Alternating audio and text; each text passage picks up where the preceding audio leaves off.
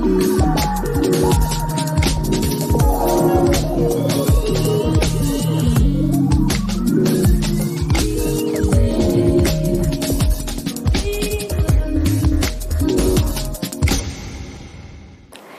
Godinu dana u žiži interesovanja je chat GPT jedan od najnaprednijih chat botova.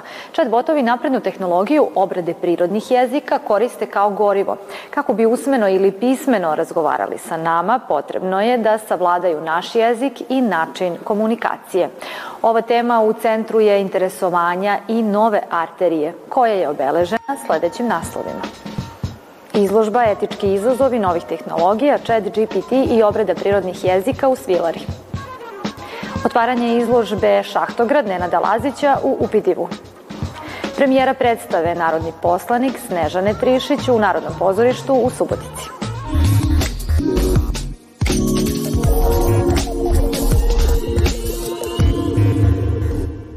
Chat GPT može da razgovara na čak 95 stranih jezika. I ne samo to, već može i da piše kratke priče, poeziju, seminarske radove, mailove. Kako oni funkcionišu, moguće je videti do kraja februara na izložbi Etički izazovi novih tehnologija, o kojoj razgovaram sa rukovodiocem sektora za izdavaštvo Centra za promociju nauke Ivanom Umeljićem. Dobrodošli u Arteriju. Hvala. Na kojoj ideji je zasnovan koncept postavke? Ova postavka je, najpre to da kažem, e, proizvod jednog međunarodnog projekta na kojem je učestvovalo više desetina partnera iz cele Evrope, od e, udruženja industrijalaca iz Italije, Austrijskog inovacijnog fonda do etičkih odbora, recimo Evropskih udruženja Evropskih akademija nauka, naučnih centara kao što je Centar za promociju nauke, koji su uh, svi na svoj način uh, preispitivali i razmatrali uh, etičke i društveno-ekonomske izazove koje sa sobom donose tehnologije u nastajanju. Obrada prirodnih jezika je tehnologija, ili da tako kažemo grupa tehnologija na kojima počiva sada već čuveni, ili tako, chat GPT za obradu, obradu teksta ili DALI za, za, za obradu slika.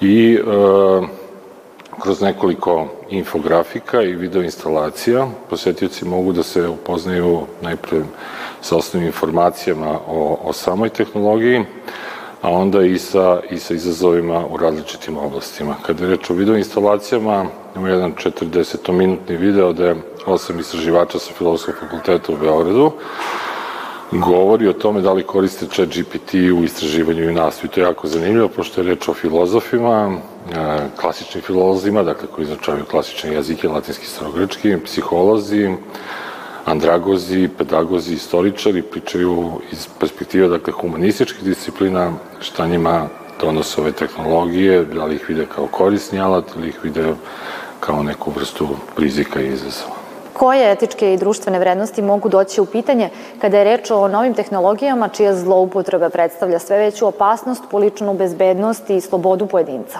Kada je reč o izazovima, oni su najrazličitiji, recimo mi sad ovde imamo različite primere, recimo kako bi izgledalo da psihoterapeuti budu chatbotovi, na primjer, u, perspektivi. Da li to sa sobom donosi neke izazove ili, ili ima prednosti i kako, kako to izvagati.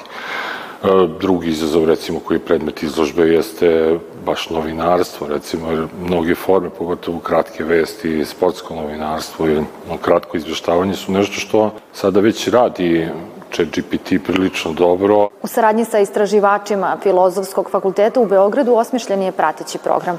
Na koji način će biti realizovan i kako će posetioci moći da učestvuju? Dvoji istraživača sa Instituta za filozofiju, dr. Vanja Subotić i Miljan Vasić, e, saradnji sa Centrom za promociju nauke osmislili su jednu vrlo zanimljivu radionicu ChatGPT i DALI u kontekstu domaćeg kulturnog nasledđa i posetioci će moći da se nađu zapravo u dve uloge. E, podeljeni su u dva tima, jedan tim će najpre da unosi promptove i naredbe i da falsifikuje da li neki tekst, da li neku sliku iz domaćeg kulturnog nasledđa, dakle 19. 20. veka, nešto što se smatra baštinom ovaj, ovaj naše kulture, a ova druga grupa za to vreme će obići izložbu, informisati se o tehnologiji i onda doći da prepoznaje šta je tu zapravo original, šta, šta je falsifikat. Hvala na razgovoru. Hvala vama.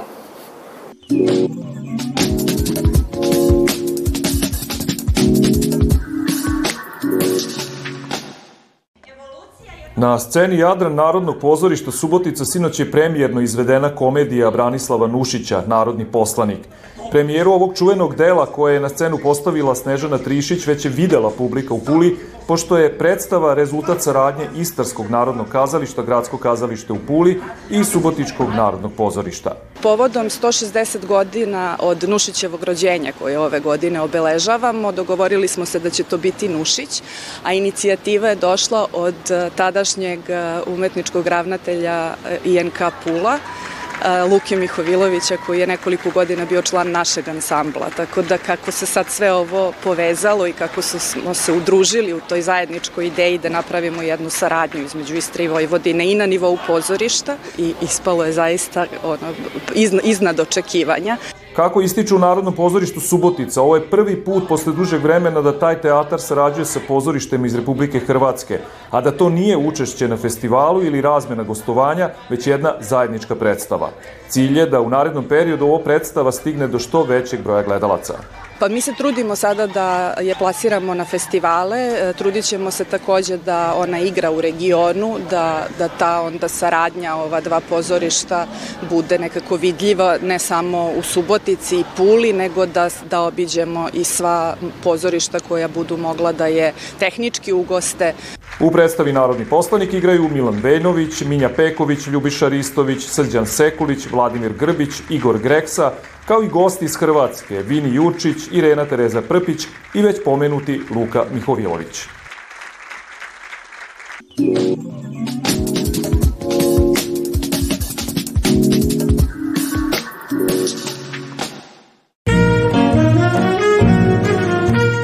Autentičan umetnički pogled na neobičnu lepotu sakrivenu u čeličnoj teksturi šahtova, ulica i trgova, koja nas vodi daleko izvan uobičajenih umetničkih prikaza, izložba Šahtograd Nenada Lazića otvorena je u galeriji Udruženja likovnih umetnika, primenjenih umetnosti i dizajnera Vojvodine.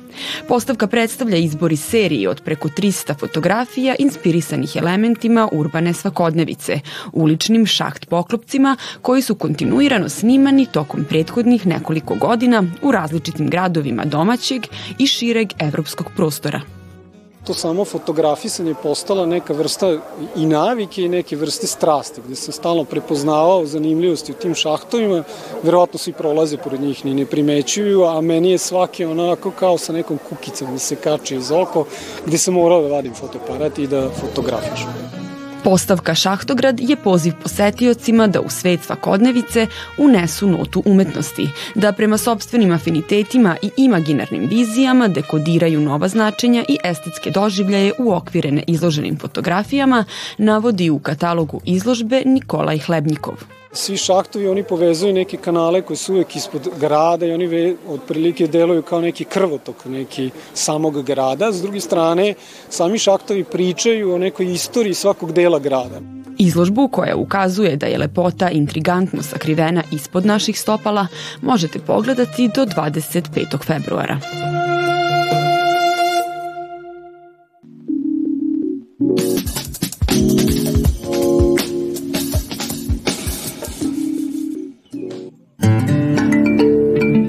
Period najvećeg rasta Novog Sada centralna je tema istorijske publikacije Uspon Novog Sada u periodu od 1918. do 1941. godine Slobodana Bjelice koja je nedavno predstavljena u izdavačkoj kući Prometej.